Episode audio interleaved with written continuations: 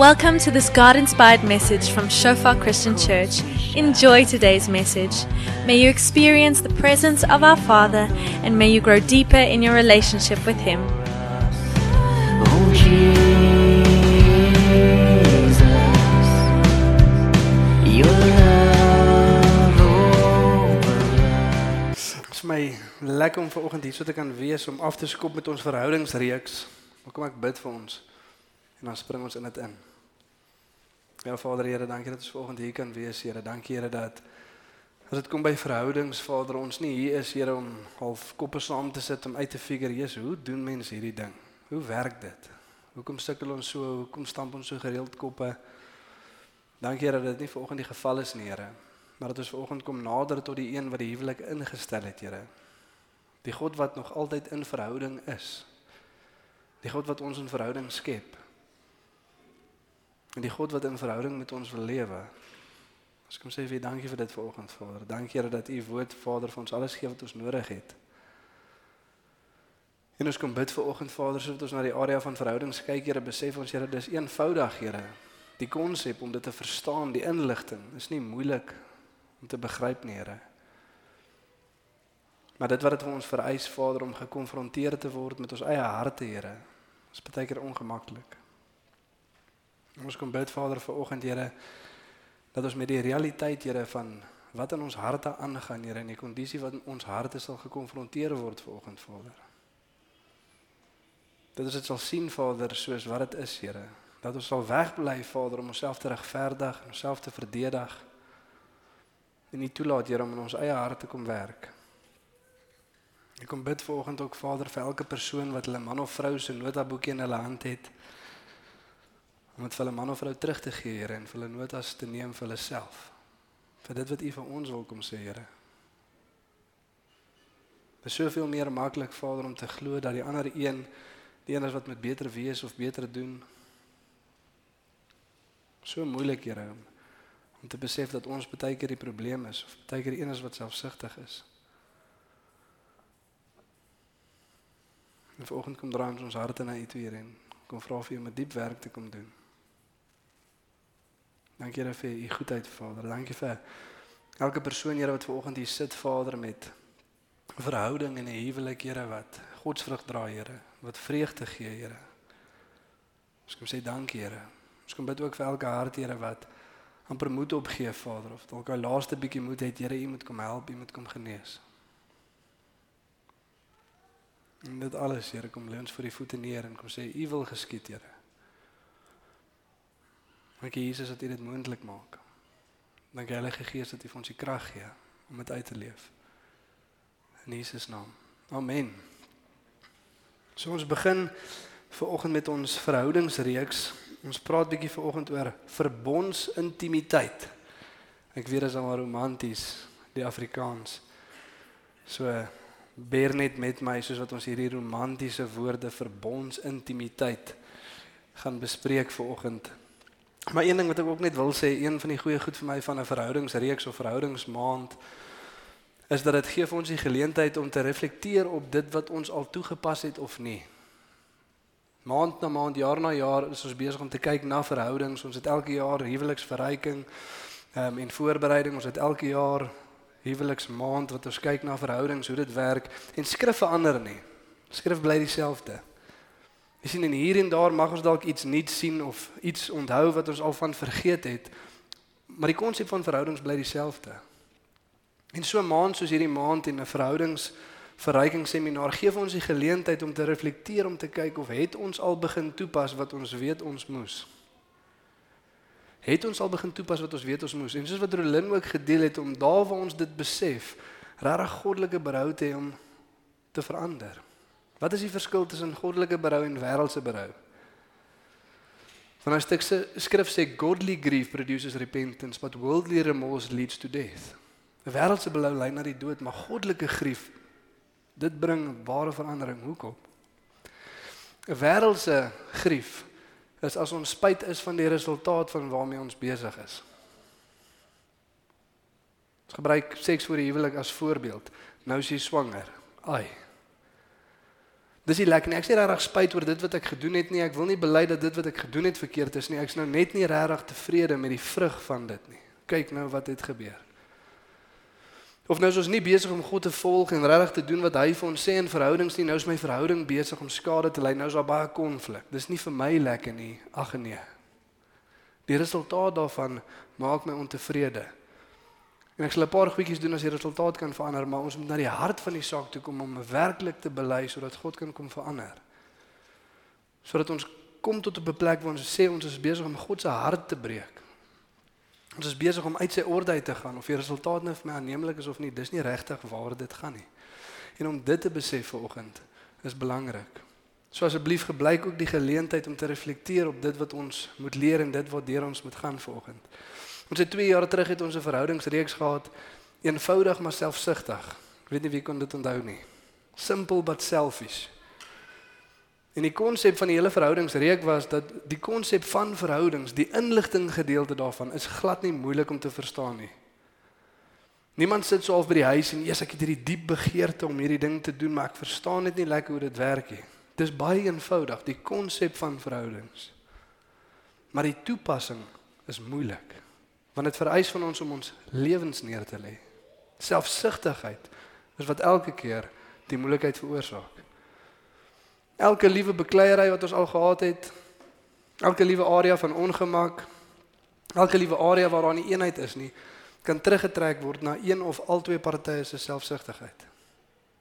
Gaan dink bietjie daaraan, gaan dink aan een probleem. Een bekleierery.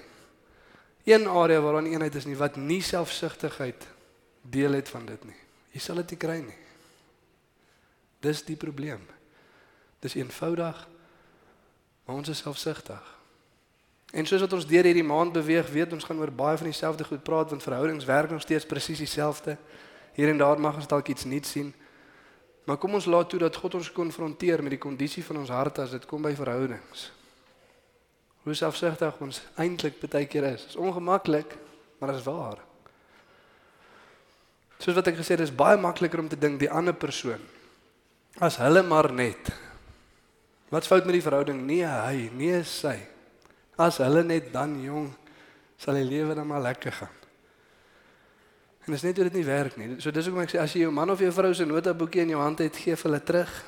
Moenie vir hulle notas maak nie. Maak vir jouself notas vir dit wat God vir ons wil kom sê vanoggend en dit wat hy ons wil toepas vanoggend.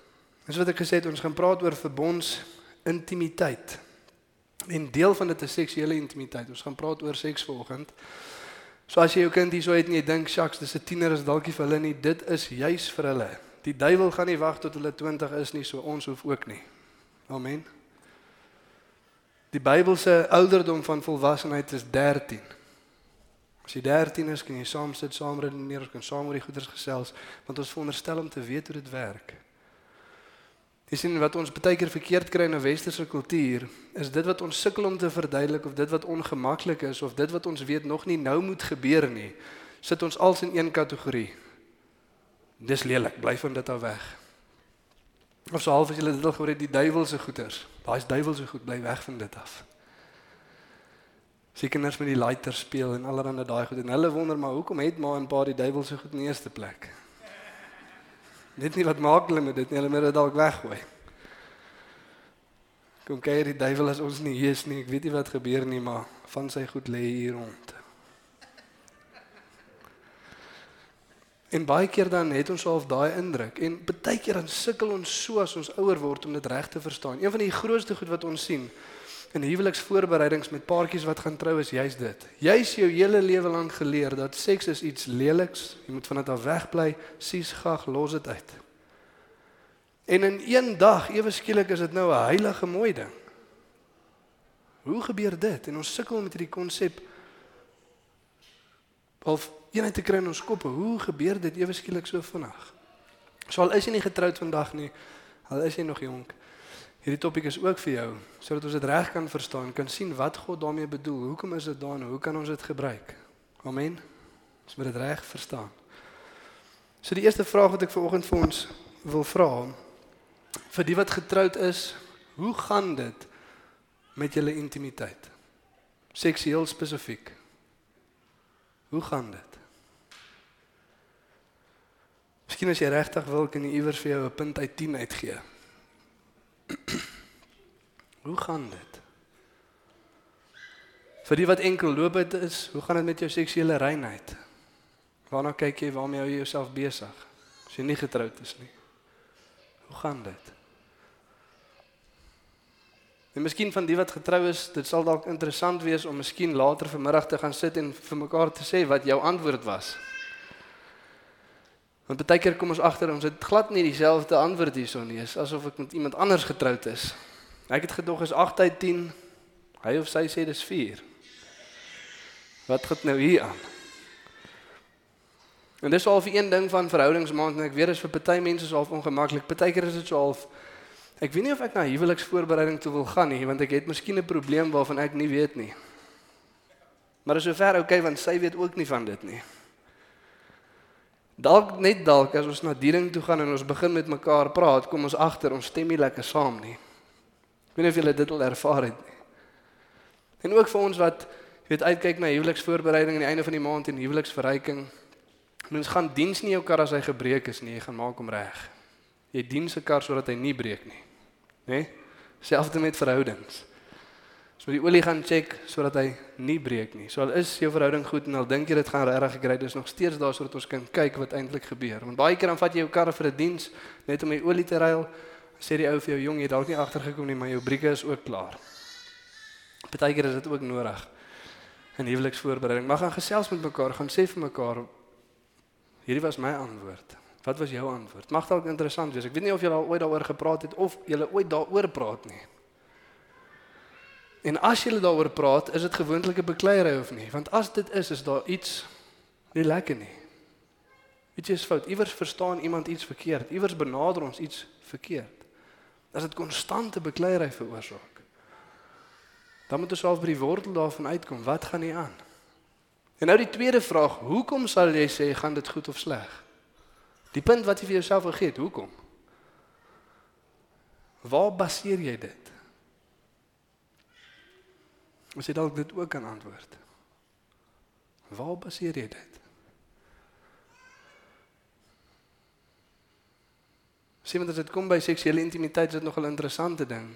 Partykeer kry ons dit vandag bietjie verkeerd om. Die skrif sê vir ons in 1 Korintiërs 7 dat 'n man en 'n vrou nie mekaar se regte van mekaar af moet weerhou nie. En wanneer ons nie intiem saam is nie, is dit omdat ons dit afbespreek het sodat ons self meer voorkome kan toewy aan gebed. Maar dan moet ons weer vinnig by mekaar kom sodat ons nie getemteer kan word oor ons gebrek aan selfbeheersing nie. Interessant. So daai stuk skrif neem so of aan dit gaan gebeur behalwe as ons afspreek dat dit nie gaan gebeur nie. Is dit nie interessant nie? In baie gevalle vandag en in baie verhoudings vandag is dit andersom. Ons neem aan dit gaan nie gebeur nie totdat ons afspreek dat dit gaan gebeur. Skrif sê is andersom. Ons neem self aan dit gaan gebeur en dat dit gereeld gaan gebeur. Nou wat is gereeld? Die man sê dalk 'n idee in hulle kop en die vrouens dalk aan nie. Wat beteken gereeld? Goue reël meer as 2 keer 'n dag is ongesond. Minder as 2 keer 'n week is dalk ook ongesond. So 'n bietjie van 'n grappie maar min of meer ook 'n goeie indikasie van wat veronderstel is om te gebeur. Maar baie keer dan dink ons dit. Ons het so half die hoeveelheid in ons kop gee vir ons min of meer indikasie van of dit gesond is of nie. Of dit gereeld gebeur of nie. Maar skrif sê dit gaan nie net oor of dit gebeur nie, maar ook of dit reg gebeur en of al twee partye saam dit geniet. Want verstaan dit is veronderstel om in 'n verbondsverhouding te wees. Ons verstaan nie verbond so lekker nie. Sy ou woord, ons het nie 'n nuwe een nie. Dit is wat hy beteken. Ons gaan nie aan een wees nie. Maar verbondsverhouding is waar mense daar is om te dien, om te gee en nie om te ontvang nie. En baie keer verstaan ons dit in die res van ons huwelik, maar nie by die area van intimiteit nie. Ons dink soof dis die exception onder rule. Hierso het God vir ons 'n area gemaak waar ek kan gaan om te kry. Skryf sê nee. Hier is ons ook veronderstel om te gee. En dan baie keer weet ons iewers staan daar dat 'n vrou moenie seks van haar man af weerhou nie en 'n man moenie seks met sy vrou af weerhou nie. Dis 1 Korintiërs 7. Want hulle sê albei partye het autoriteit oor mekaar se lywe. Weereens is dit in lig van gee, nie van kry nie. Moenie dit weerhou nie, gee. Moenie wil vat nie, gee. En om dit reg te verstaan is belangrik. Dan 'n tweede vraag. Hoekom is seks daar? Jy is om te geniet, ja om kinders te kry. Deel van die redes. Maar wat beteken dit? Wat illustreer dit? Waaruit vloei dit? Hoekom is dit daar? Wat beteken dit? Wat illustreer dit? Want baie keer weer eens het ons al Christelike konsepte gehoor wat oulik klink maar moeilik is om te verstaan. Dis waar die hele ons met die hele ons saamkom in die huwelik. En klink dit, yes, wow, klink bedrywig, maar verstaan nie lekker wat jy daar bedoel nie. Ek weet ek was nog heeltyd altyd daar. En sy was ook heeltemal altyd daar. Maar wat beteken dit? Wat illustreer dit? Dis waar liggaam, siel en gees bymekaar kom en voel dit, ja, Teker voel dit net my my liggaam daar. Ek weet nie lekker hoe die gees en die siel werk nie. Ek weet nie hoe dit gebeur nie. Maar hoekom is dit daar? En dan laaste vraag, wat is die verskil tussen liefde en welis spesifiek in die area van intimiteit? Wat is die verskil tussen liefde en welis spesifiek in die area van intimiteit? Love and lust, what's the difference? En weer eens ons verstaan dit so half buitekant die konsep van intimiteit. Ons verstaan dat liefde beteken ek gee myself en ek is hier om te dien. En welis beteken ek wil hê, ek wil kry om myself te dien. Maar dan moet dit seker dieselfde beteken in intimiteit. Werk presies dieselfde en weer eens wat ek sê vir een of ander rede dink ons baie keer hier kan ons kry, hier kan ons wil hê. Dis oukei okay om dit so half hier te doen maar nie in ander areas nie. So in lig van daai vrae en lig van die antwoorde, onthou wat jy vir jouself gesê het. Onthou die antwoorde wat jy jouself gesê het. En kom ons lees saam. En kyk wat ons kan leer. Ons gaan lees uit Genesis 2 van vers 18 tot 25. Verder het die Here God gesê: "Dis nie goed dat die mens alleen is nie. Ek sal vir hom iemand maak wat hom kan help, sy gelyke." En baie belangrik hierso, hierdie is voor sonde in die wêreld ingekom het. Hier is nie na sonde nie, iets is half gebreek en fout nie. En ook baie belangrik vir ons om te verstaan dat God doen hierdie en hy weet wat gaan gebeur. Hy's nie besig om hierdie toe te laat om vir homself iets te leer of hy het so half 'n openbaring gekry nie. Hy's besig om vir ons iets te wys sodat ons ietsie uit kan leer. Anders het hy net van die begin af man en vrou gemaak en ons het nooit die les gesien en die les geleer nie. Maar voordat sonde in die wêreld inkom, besef ons ons kort help. So as 'n man dink soos wat hy moet dink sonder dat hy geaffekteer is deur sonde, besef hy wat? Hy kort help. Né? Nee? Hier is dit. Hier staan dit. Toe vorm die Here God uit die grond al die diere van die veld en al die voëls van die hemel. En hy bring hulle na die mens toe om te sien wat hy hulle sou noem. Ek lag altyd so klein bietjie as ek daai gedeelte lees. Want dit klink vir my so bietjie humoristies. Net die man is daar, Eva is nog nie daar nie. Kom ons gee gou vir die ou een job net op sy eie. Voordat ons vir Eva maak en kom ons kyk wat hy hulle gaan doen. Sal God wat vir die engele sê, kom ons kyk gou wat doen die ou. Op sy eie. En die konklusie is totdat al die seekoeie nie in die see is nie, kort ons help. Want ons het nie hierdie job so lekker reg gekry nie. Sê hulle met my. En hy bring hulle na die mense om te sien wat hy hulle sou noem. En wat ook al die mense lewende wese genoem het, dit was sy naam. So het die mens name gegee vir al die makdiere en die voëls van die hemel en al die diere van die veld. Maar vir homself het hy nie 'n helper as sy gelyke gevind nie. Die Here God het toe die mens in 'n diep slaap laat val en terwyl hy slaap, het hy een van sy ribbebene geneem en die plek daarvan met vleis toegemaak. Die Here God het toe die ribbebeen wat hy uit die mens geneem het omgebou tot 'n vrou en haar na die mens gebring. En vrouens asseblief, wees nou versigtig, maar hier kom nou romanse. Hierdie is die eerste gedig en liedjie wat 'n man vir 'n vrou geskryf het. En dit is nogal, ek moet sê, ietsie spesiaals. Toe sê die mens, hier is nou die romantiese deel van die man. Hierdie een is die keer been uit my gebeente, vleis uit my eie vleis. Hierdie een sal vrou genoem word want uit die man het is hy geneem glad nie analities nie glad nie baie spesifiek nie baie romanties baie emosie kan jy sien daarso wat hier uit die man uit geontlok word. Vir die van julle wat dit nie raak sien, dis net 'n grappie. Ehm um, dit is 'n bietjie meer romanties en so in die oorspronklike taal en wat dit vir hulle beteken het. En ons gaan 'n rukkie daarna kyk. Daarom sal 'n man sy vader en moeder verlaat en hom aan sy vrou verbind en hulle sal een vlees word. Hulle twee was naak, die mens en sy vrou, maar hulle was nie skaam vir mekaar nie. Wonderlike stuk skrif. Weer eens baie waarop ons kan fokus. Maar vanoggend gaan ons spesifiek fokus op intimiteit en ek wil eintlik net kyk na daai laaste twee verse, vers 24 en 25. En in hierdie stuk skrif sien ons nie net wat ware intimiteit veronderstel is om te wees nie, maar ook die voorwaarde van ware intimiteit. En dit is wat? Dis een man en een vrou wat uit 'n verbondsverhouding met God in 'n verbondsverhouding met mekaar leef. Een man en een vrou wat uit 'n verbondsverhouding met God in 'n verbondsverhouding met mekaar leef. In vandag se Afrikaans, 'n Christelike man en 'n Christelike vrou wat in 'n huwelik saamleef. Dis die voorwaarde. Jy sien die mooi ding hierso is dat Adam het eers vir God geken alleen. En Eva het eers vir God geken alleen. Toe bring God hulle bymekaar. Twee mense wat God eers te ken. En twee mense wat uit 'n verbondsverhouding met God leef, wat in huwelik met mekaar leef. En in lig van dit gaan ons ook sien hoekom seks veronderstel is om in die huwelik te wees en buitekant die huwelik beteken dit letterlik die teenoorgestelde. Sê ons letterlik die teenoorgestelde. As dit nie binnekant die huwelik gebeur nie en om dit te verstaan, moet ons verstaan wat dit beteken.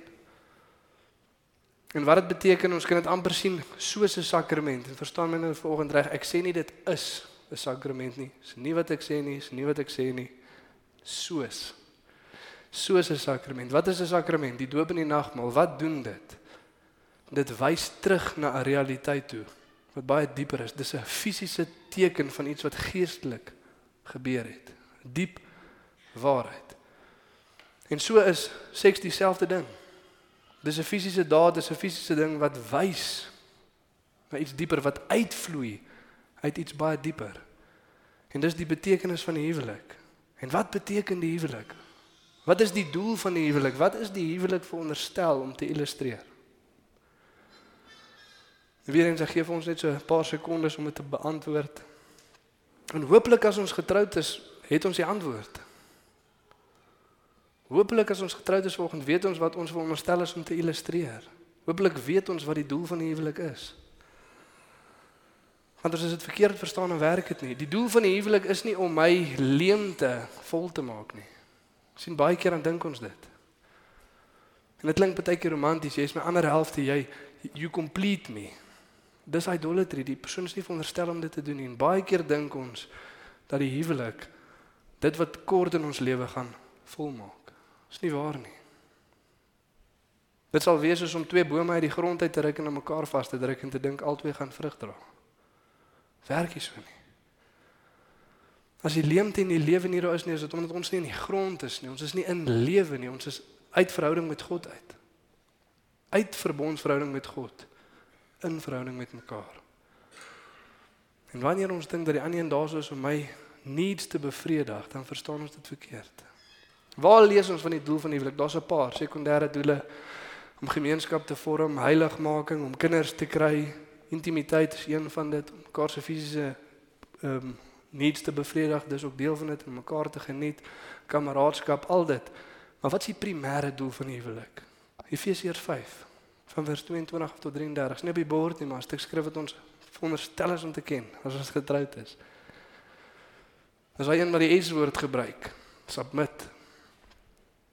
En dit verduidelik vir ons waarvoor die huwelik daar is. Dis 'n illustrasie. Dit wys vir ons die verhouding tussen God en sy kerk. Jesus en sy kerk. Elke keer as ons deur daai skrif lees, dan lees ons heeltyd soos, soos, soos. Met ander woorde, die huwelik is besig om iets uit te beeld, iets te illustreer. En dan sê dit mans lê julle lewe vir julle vrouens neer soos Jesus sy lewe vir die kerk neer lê. En dan dink ons, maar ons is mos nou die hoof van die huis, ons is die koning, ons moet bedien word. Dan sê dit nee, Jesus was die hoof en hy was die koning en hy het gekom om te dien. Toe die voete gewas word, was hy die een met die lap om sy lyf. Om te dien. Die koning, die hoof het gekom om te dien en om nie bedien te word nie en sy lewe te gee vir baie. En dan sê dit vrouens wees aan julle mans onderdanig soos die kerk aan Christus onderdanig is. Jesus kom en hy lê sy lewe vir ons neer en wat is die opdrag van 'n disipel? Lê jou lewe neer, tel jou kruis op, volg my om dieselfde te doen. So dis 'n neerlê van lewe vir altyd. Die Engels sê to die for, letterlik. Is jy 'n man of jou vrou to die for? Ek hoop so, want jy gaan dit letterlik moet doen. Sterf tot self sodat ek kan dien en my lewe kan gee. Dis wat ons die dag gesê het ons getrou het, dis deel van die beloftes. Alles wat ek is, alles wat ek het, gee ek vir jou. Met my liggaam eer ek jou. Ek lê my lewe neer. Die dag toe jy getrou het, het jy nie 'n man of 'n vrou gekry nie. Maar het jouself vir 'n man of 'n vrou gegee. Dis 'n gee van self. En intimiteit, seks is veronderstel om dit te illustreer. Elke liewe keer as ons intiem is, is ek besig om opnuut te verklaar alles wat ek het, gee ek vir jou.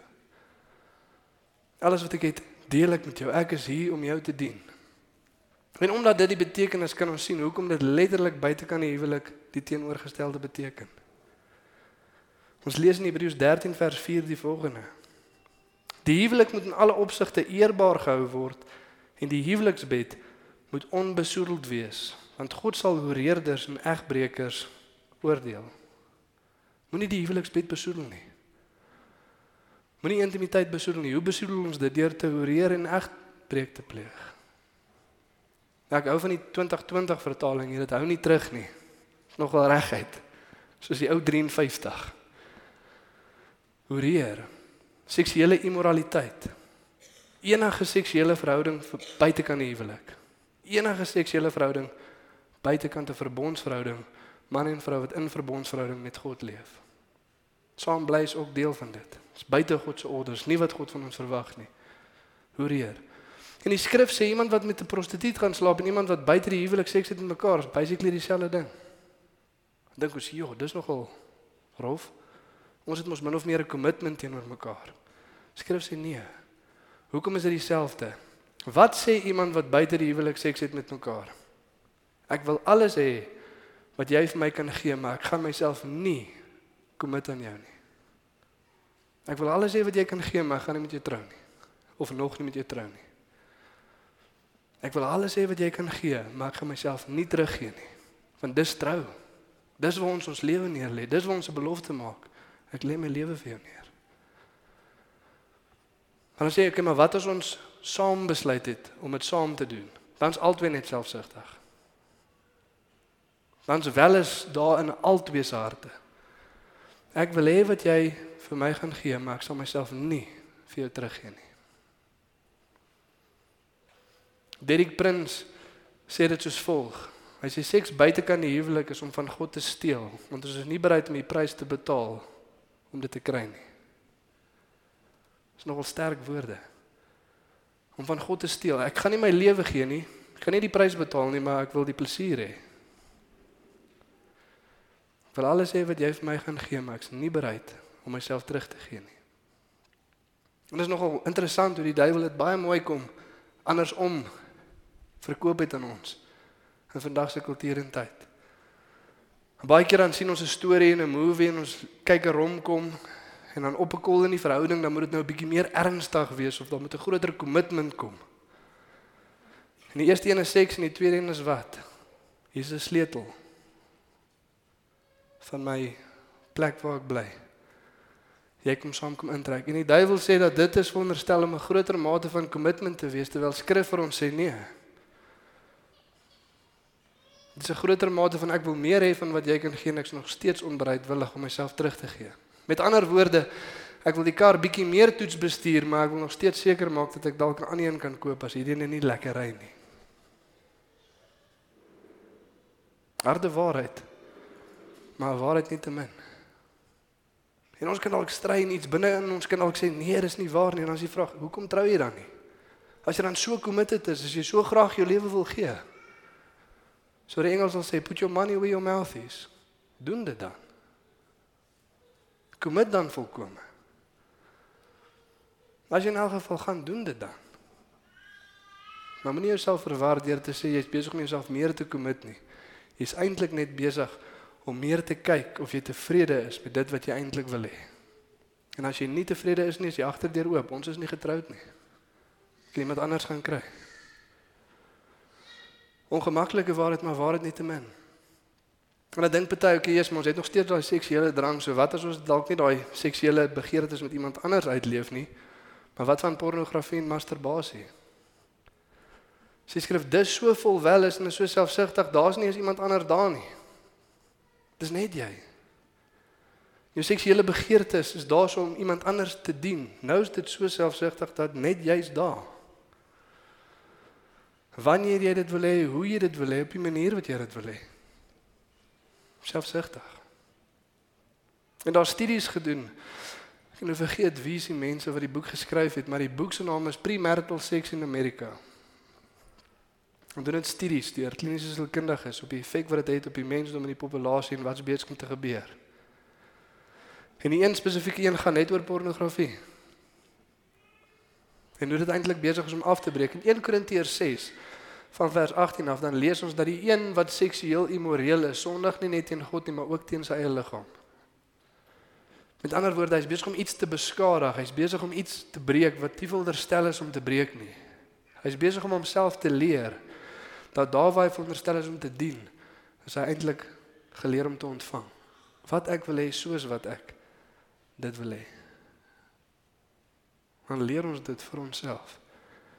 En dan sê hulle die effek van dit is eerstens dat as jy die dag trou of as jy 'n verhouding is, is die verwagting van hoe jou man of vrou moet lyk en moet optree heeltemal onrealisties. Dit wat jy verwag. Hoekom? Want hierdie is nie waar ek myself gee nie. Dis nie iets waar die ander persoon hulle self gee soos wat hulle is nie. Hulle moet nou iets doen en wees wat ek vir hulle verwag om te wees. Op 'n manier optree wat ek hulle verwag om op te tree. Want dis wat ek hele lewe lank aan my verkoop het. As dit net so vir my kan lyk, dan sal ek bevredig wees. Verbruiker. Dis nie 'n verbondsverhouding nie. Dis 'n verbruikersverhouding. En as daar 'n verhouding is waar een van die partye God ken en een van die partye nie, gaan een net misbruik word. Maar die ander wil die leemte probeer volmaak. Tweedens, nog een van die effekte daarvan is dat mans veral geneig is om minder vinnig te commit in verhoudings en minder vinnig te wil trou of glad nie te wil trou nie want hulle kan die seksuele bevrediging wat hulle dink hulle kort iewers anders kry sonder om met die gemors van die verhouding te deel. As ek met al die admin hoef te deel nie, maar ek kan nog steeds die ding kry wat ek wil hê, hoekom dan commit?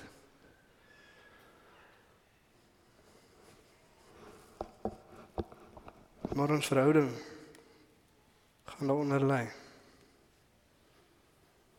En as jy ook nou vandag sê of jy nou getroud is of nie, dat ek kort net elke nou en dan daai seksuele bevrediging om gelukkig te wees, dan wat is die probleem? Jou verhouding met God. Jy sê die grond het geruk.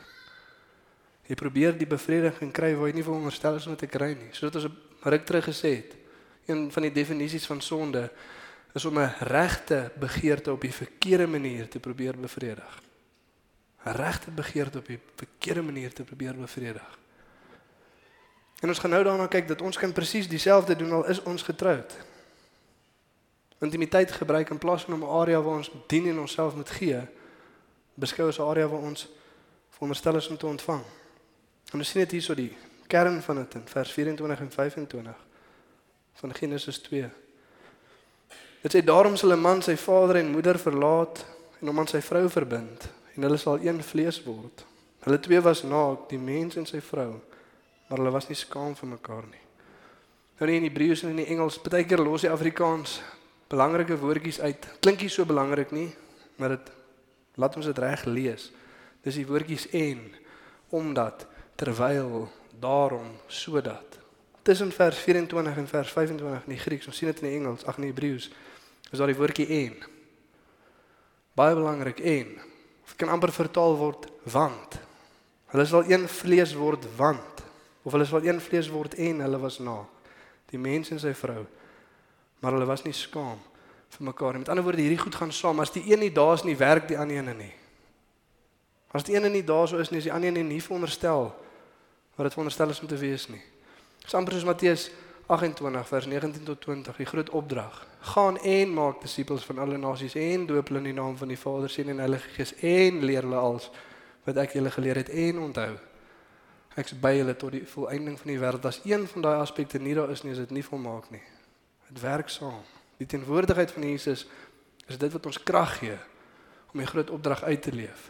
Die feit dat ons gaan sê ons is intentioneel. Ons maak disippels en hoe doen ons dit? Deur hulle te doop en hulle te leer om te doen wat Jesus ons geleer het. Alles werk saam. En in hierdie geval presies dieselfde. Dit werk saam. En die woord hierso na kaal beteken nie net fisies kaal nie. Dit beteken kaal in elke liewe opsig en area van ons lewe. Heeltemal alles wat ek is. Alles wat ek dink, emosioneel, intellektueel, geestelik kaal voor mekaar. En hulle was nie skaam nie. In elke are opsig. Die Hebreëse woord, die wortel van daai woord kan ook beteken uitgestort. Ek hou nogal daarvan poured out. Alles wat ek is, uitgestort vir jou. Jy ken my, die diepste gedeeltes van my. Uitgestort vir mekaar en dis wat dit veronderstel is om uit te beeld. En elke keer as ons dit doen, dan verklaar ons dit opnuut dat ons is heeltemal kaal vir mekaar. Ons niks wat ek wegsteek nie en ons niks wat ek weerhou nie. En nie net is dit heeltemal ek nie, maar dis heeltemal ek wat jou wil dien. En in baie verhoudings is dit nie die geval nie. En in plaas van 'n natuurlike uitvloei van intimiteit in alle areas van lewe, is dit 'n onnatuurlike begeerte omdat ons nie intiem vir mekaar is in die ander areas van lewe nie. Nou het ek 'n leemte. Nou probeer ek die padteken gebruik om die bevrediging te gee in plaas van die eindbestemming. In plaas van die ding waantoe dit veronderstel is om te wys. En vir party van ons dan hoor ons in kerk en in Christelike kringe dat dit veronderstel is om hierdie mooi heilige ding te wees, maar dit voel vir ons so oppervlakkig. Hoekom? Want die verhouding waantoe dit wys is oppervlakkig. Dit voel nie diep nie want in geen ander area van ons verhouding het ons diepte nie. Dit voel nie of ek die persoon ken nie want ons deel niks wat in die ander areas van ons lewe aangaan nie. Ek kan nie onthou 'n laas ek vir my man of vrou gesê het ek sukkel hiermee, ek wonder hieroor, ek weet nie van dit nie. Hierdie is wat God vir my besig is om te sê. Geen diepte, geen intimiteit. En dan omdat ons intiem daar is, het veronderstel om natuurlik uit te vloei in intimiteit hier. Maar dan doen dit nie. Want ons deel nie met mekaar nie. En omdat ons nie met mekaar deel nie, is daar 'n begeerte wat nie bevredig is nie en ons dink die seksuele begeerte is dit. Maar is nie dit nie, dis waantoe dit wys. Ons intimiteit is om oop en eerlik met mekaar te wees in elke area van lewe. En die vrouens mag dalk dink jy's die mans doen dit meer. Hulle sukkel 'n bietjie meer om te deel, hulle sukkel bietjie meer om intiem te wees in die ander areas van lewe. Dis waar. Dis waar. En dan misgis hulle die begeerte. Die begeerte is nie primêr seksueel nie, die begeerte is baie dieper as dit. Want ons is liggaam, siel en gees. Die diepste is gees. Dan is dit emosioneel, dan is dit fisies. So ons probeer deeltyd met hierdie fisiese ding die geestelike en emosionele leemte volmaak, maar dit werk nie. Sommers wat Dani nou die dag gesê het, ons is dors maar dan eet ons 'n hamburger. En as iets in ons is vol, maar nie dit wat ek gedink het dit gaan volmaak nie. Ek bly nog steeds dors. En baie van ons, soos wat ek dit nou sê, identifiseer met dit. Die seksuele ervarings is daar, maar ek's nie heeltemal lekker vol nie. En miskien in party van ons gevalle is die seksuele ervaring daar, maar pornografie is nog steeds daar op die einde. Hoekom? Want dit het heeltemal gelyk en geklink soos wat ek gehad het dit met wou nie. En ek dink dalk as ek beter kry wat ek wil hê, dit dalk vol wees. Nee, dit werk nie so nie. Dis soos iemand wat skipbreek lê op die see op 'n houtplank dryf en besig is om dood te gaan van die dors. As water oral om jou. Maar jy kan nie 'n slukkie vat meer dors te les nie. Dis nie die regte ding nie. Dis nie wat moet gebeur nie. Want as jy die begeerte misgis. Maar vir die vrouens werk dit weer baie keer andersom. Daar's iets anders wat ons graag wil hê of 'n ander manier wat ons wil hê ons mans moet optree of iets anders wat ons wil hê hulle moet vir ons doen. En dan gebruik ons ook seks om gedien te word in plaas van om te dien. Hoe manipulasie. Ek sal dit vir hom gee as hy vir my gee wat ek wil hê. En albei is besig om 'n begeerte te misgis. En albei is besig om dit wat ons veronderstel is om te dien, gebruik om gedien te word. En ons sê ons dit dalk nie hardop nie, baie van ons het dalk nog nie eens geherken aan onsself nie, maar as ons nou mooi terugdink, is al wanneer ek dit vir hom gee as ek gelukkig is met wat hy vir my gegee het. En dis manipulasie, ons sê dit dalk nie, maar ons leer mekaar so. En vir albei is die antwoord dieselfde ding terug te gaan na die evangelie toe om die kern van die situasie op te los. En hier is die probleem, Genesis 3 vers 7 en 10. Ek hou van die woordjie maar daar's in vers 25 van hoofstuk 2. Skrywer skryf na die sondeval gebeur het. En hy sê maar hulle was nie skaam nie. Met ander woorde, dis anders, maar is 'n kontras. Maar hulle was nie skaam nie. Nou hierdie kant van die sondeval is dit nie meer die geval nie. En hier is die probleem. Net na die sondeval Genesis 3:7 tot 10, die effekte daarvan. Toe gaan albei se oë oop. En hulle word gewaar dat hulle naak is. En hulle het vye blare aan mekaar gewerk en vir hulle skorte gemaak. Dadelik bedek ons onsself. Dadelik deel ons nie meer diep nie. Dadelik wil ek nie meer my regte self wees nie.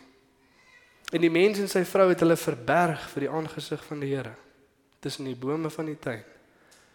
Toe roep die Here God na die mens en sê vir hom: "Waar is jy?" En hy antwoord: "Ek het die geruis gehoor in die tuin en gevrees, want ek is naak. Daarom het ek my verberg." Eers was albei naak, maar was nie skaam nie. Nou is ons skaam, maar skaam. As 'n boek geskryf, ek weet nie wie se ou se naam nie, maar The Naked Ape. Satius ou wat sekulêr is, nou skryf oor Homo sapiens en al die ape en dan sê daar's net een aap wat vir een of ander rede skaam is dat hy kaal is. Ons is daai ape. Ietsie wil ons wegsteek, iets wil ons bedek. Dis nie natuurlik nie. Ons sien dit nie in die res van die skepping nie, maar ons wil onsself bedek. Ons wil onsself toemaak. Ons weet hoekom. Hy het nou nog nie tot by die konklusie gekom nie, maar ons weet hoekom. Dis as gevolg van sonde. En een ding wat ons vergeet is ons lees so vinnig deur daai storie en baie keer omdat seks hierdie vreemde slegte sies ding was, kan ons nie half indink God is daar nie. En om God in jou huwelik in te nooi en in jou sekslewe in te nooi, klink vir ons amper half snaaks en vreemd. En baie keer omdat dit so snaaks en vreemd klink, is dit omdat ons die begeerte het om daar te kry wat ek nie veronderstel is om daar te kry nie. Dit voel vir my vreemd om God daarin te nooi, want ek weet ek begeer iets wat ek nie eintlik moet nie. Maar die storie van Adam en Eva wat kaal daar staan, daar's nog iemand daar. Dis God. Hulle was ook nie skaam vir hom nie. En hulle was eers kaal voor God en toe kaal voor mekaar. In alle opsigte van die woord. God om hulle heeltemal te ken en nog steeds hulle heeltemal te aanvaar en dit is wat die vrees wegdryf en omdat ons onsself wegsteek van God, wil ons onsself ook wegsteek vir mekaar. Dis die eintlike begeerte wat ons wil volmaak met iets wat ons nie moet nie. Dis om werklik geken te wees en steeds werklik aanvaar te wees. Hoekom deel jy nie met jou man en jou vrou sekere goeders nie? Hoekom is daar daai area wat jy wegsteek? Dis nie omdat jy dink hulle gaan in vreugde reageer en jou dieper lief hê nie. Dis omdat jy dink as hulle dit weet. Is ek nie so seker of dit goed gaan gaan nie. As hulle regtig weet wat ek dink en begeer en gaan doen. Wat as hulle my wegstoot? En dis daar waar die evangelie die oplossing gee want voor Jesus Christus, hy weet wie ons is. En nog steeds het hy ons so lief dat hy sy lewe vir ons gegee het. En as ons dit besef en as ons weer heeltemal voor God gaan staan en nie onsself verberg nie, nie wegkruip nie, maar vir God gaan sê Here, hier is ek, die hele ek, U weet dit. En sy liefde ervaar wat sy skrif dan dryf dit alle vrees weg. En ons kan weer opreg oop en eerlik met mekaar ook wees. Sê hierdie is heeltemal ek. En of ek nou 'n verwerping ervaar of nie dit maak nie saak nie want God het my reeds aanvaar amen Ons lees die volgende. Dis 'n quote van Timothy Keller. Hy sê die volgende: To be loved but not known is comforting but superficial. Nou dis wat baie mense se seksuele lewe aangaan. Daar's hierdie intimiteit wat gebeur fisies, maar geestelik en emosioneel ken hulle my glad nie. Skrif praat van intimiteit tussen man en vrou as hoe hulle het mekaar geken. En Adam het sy vrou geken en Jakob het vir Rachel geken. En voordat Maria vir Josef geken het, het sy 'n kind gehad. Geken om mekaar werklik te ken, intiem met mekaar te wees. Maar dan doen ons dit nie in 'n superficial, dit maak nie vol nie. Ons bly dors. To be known and not loved is our greatest fear. As hulle regtig weet my verwerp. Dis wat my bang maak. But to be fully known and truly loved, well, that's a lot like being loved by God. It is what we need more than anything. It liberates us from pretense, humbles us out of self-righteousness and fortifies us for any difficulty life can throw at us. Is dit nie mooi nie? Om opnuut te besef dat God ons werklik ken en werklik liefhet. Dis wat nodig is om eers werklik weer heeltemal kaal voor God te gaan staan en te sê Here, dis wat aangaan. En lei my nou God om dieselfde te gaan doen met my man of my vrou. Sodat ons heeltemal intiem met mekaar kan wees, sodat die uitvloei daarvan mooi kan wees. En sodat ons daar nie wil kry wat ons nie veronderstel is om daar te kry nie. Maar sodat dit die natuurlike uitvloei is van mense wat in intimiteit saam met mekaar leef. En as baie van ons ons harte klop nou vinnig. En daai area wat ons moet deel sit net hierso. Is nie moeilik om dit uit te figure nie. Ons weet wat ons moet doen. Dit is eenvoudig. Maar gaan ons dit doen? Is die vraag. Moet asseblief nie volgende jaar weer hier sit. En daai ding is nog steeds net so groot in die voorkant van jou kop. Maar ons het nog nie gedeel. Ons ken mekaar nog steeds nie. Dink gou daaraan. Dit is in, interessant om daaraan te dink. Maar mense wat val so lank getroud is en so lank saam bly, maar wat mekaar nog steeds glad nie eintlik ken nie. Dit kan 'n geval wees. Party van ons is so goed om goed te verberg, ons ken onsself nie eens nie. Ons het hoe lank terug vir onsself erken dat ons sukkel met dit, ons is bang vir dit. Ons weet nie wat daaraan gaan nie.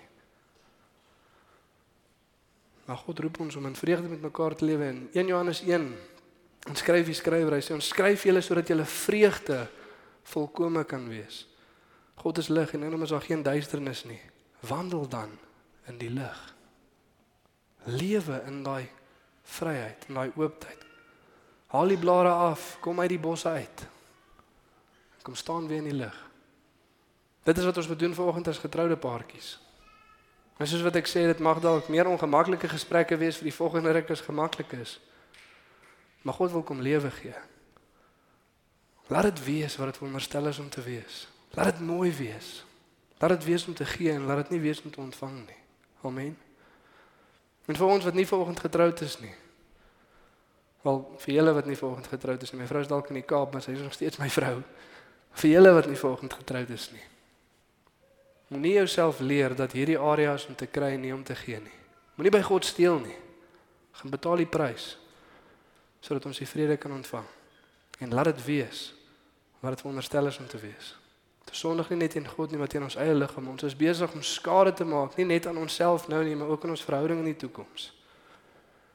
Laat God kom en die bevrediging bring. Want ook vir jou is die antwoord om uit die bos uit te kom, die blare aftaal en voor God te gaan staan. Amen. Kom ons staan volgend. Dan bid ons saam.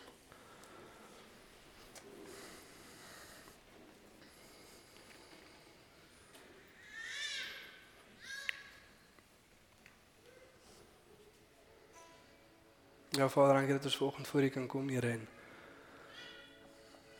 Waar sien Here dat iets dalk nie is soos wat dit moet wees nie, Vader. Waar sien Here dat ons selfsugtig is in sekere areas. Volgende Here mag goddelike berou ons na belydenis lei. Wat verandering bring, Here. Ek kom bid Vader vir elke droë boom, Here, wat by 'n ander droë boom probeer lewe kry.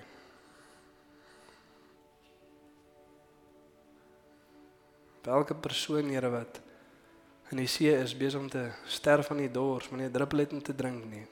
Ons kom na U toe, Here. Die een wat die lewende water gee. 'n Party van ons Here is soos die vrou by die watergat, Here. En nie waar daar aankom, Here, en ons probeer honger op 'n verkeerde manier volmaak, Here, net soos wat daai vrou het. Toe U vir haar sê as sy van U water drink, sal sy nooit weer dors nie en sy vra, "Gee my van die water." As sy antwoord gaan roep jou man. Sy sê ek het nie 'n man en hy sê ja, jy het 5 mans al gehad en die een by wie jy nou is is nie jou man nie. Jy probeer 'n regte begeerte op 'n verkeerde manier volmaak. Dis nie hoe dit werk nie. Gaan dit nie daar kry nie. Drink van die water wat ek gee, Here. En dankie dat ons ook kan weet, Vader, al, net soos daai vrou, Vader, al het ons soveel skade gemaak en dit wat veronderstel is om heilig en mooi te wees. So wat self by haar sesde man is, Here. Dis die antwoord nie nee, jy het al te veel weggedraai, jy's op jou eie nie. Nog steeds is die roep wat jy gee kom drink van die lewende water. Nie net roep U nie, Here, maar U gaan na haar toe. En party van ons het dit nodig vanoggend, Here. Ons voel so skuldig, so oorlaai, so groot las op ons skouers. En u kyk nie na ons en sê ja, kry so, vat so, dis wat jy verdien nie. Dis die vyand. Maar u sê los dit, gooi af die las, kom drink nog steeds die water van lewe. Kom lees jou dors op die regte manier. Vanoggend elke liewe een wat identifiseer met dit net daar waar jy staan, wil jy nie jou stem na God oplig en sê hier is ek Here nie. Moenie terwyl hy daar staan met die beker water dit wegwys nie. Reageer vanoggend. Sê hier is ek Here, Jesus help.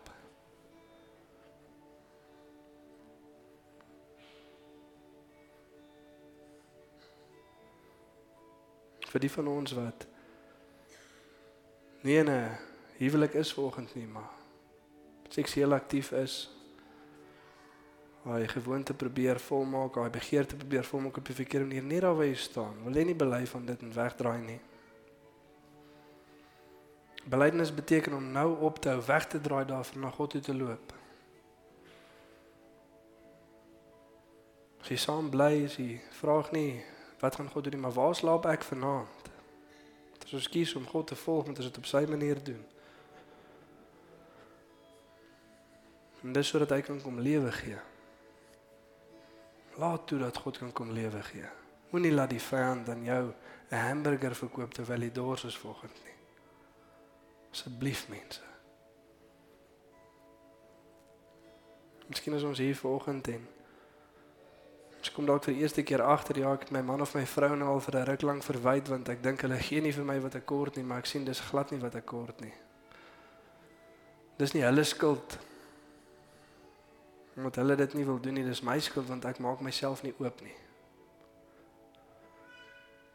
Ek wil die integriteit van seks wegneem. Ek wil in daai area als gee, maar in ander areas wil ek myself weerhou. As dit jy is volgens, wil jy nie jou stem oplig na die Here toe nie. Sê Here, is ek, help my.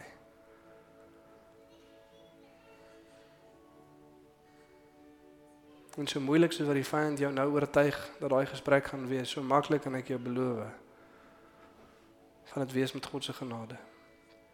Gaan ongemaklik bly. Jy moet die vryheid om in die lig te loop. Om nie meer daai vrees te lewe. Wanneer gaan hulle agterkom? Wanneer gaan hulle sien? Bedek hierdie blare alles. Is ek diep genoeg in die bos? Wat gaan van dit? Kom uit. Kom loop in die lig. Ja Vader, as gemeente Here wil ons hier kom vra Vader om 'n diep werk te kom doen in harte Here. Mag ons 'n groep mense wees Vader wat volkome alles wat ons het deel met mekaar. En daar wees om mekaar te dien Here. Ek kom bid Vader vir gesprekke wat vandag gaan plaasvind Here. Ek kom bid vir harte wat vandag klop. Ek kom bid vir u genade Here om te kom lei. Ek kom bid ook Vader teen die leuen wat sê daar sal 'n tyd wees wanneer dit die regte tyd is. Nou, nou is die regte tyd. Nou is die regte tyd. Moenie wag nie. Elke ding wat ek teen my vrou moes bely of in die lig al bring, is enigste spyt wat ek het is dat ek dit nie vinniger gedoen het nie. Maar Here, deur die genade Vader, mag ons eg met mekaar wees. En soos wat daar gesprekke gebeur vandag Vader, mag ons onthou Here dat ons kan genade gee want ons het genade nodig. U het ons vergewe, so ons kan vergewe. U het genade met ons, so ons kan genade hê. U het geduld met ons, so ons kan geduld hê. En soos dat ons ons lewens vir mekaar neerlê, Here. Mag ons nie 'n slaafmentaliteit in die ander een kweek om te sê eers as jy weer goed genoeg is of gedoen het wat jy moet, dan sal ek nie. Maar Here, omdat U is wie U is, kan ons wees wat U ons geroep het om te wees. Omdat ons self gegrond is in lewe, kan ons lewe gee. Dankie Here vir U goedheid, Vader, dankie vir U genade en dankie vir U teenwoordigheid by gesprekke vandag. In Jesus naam. Amen.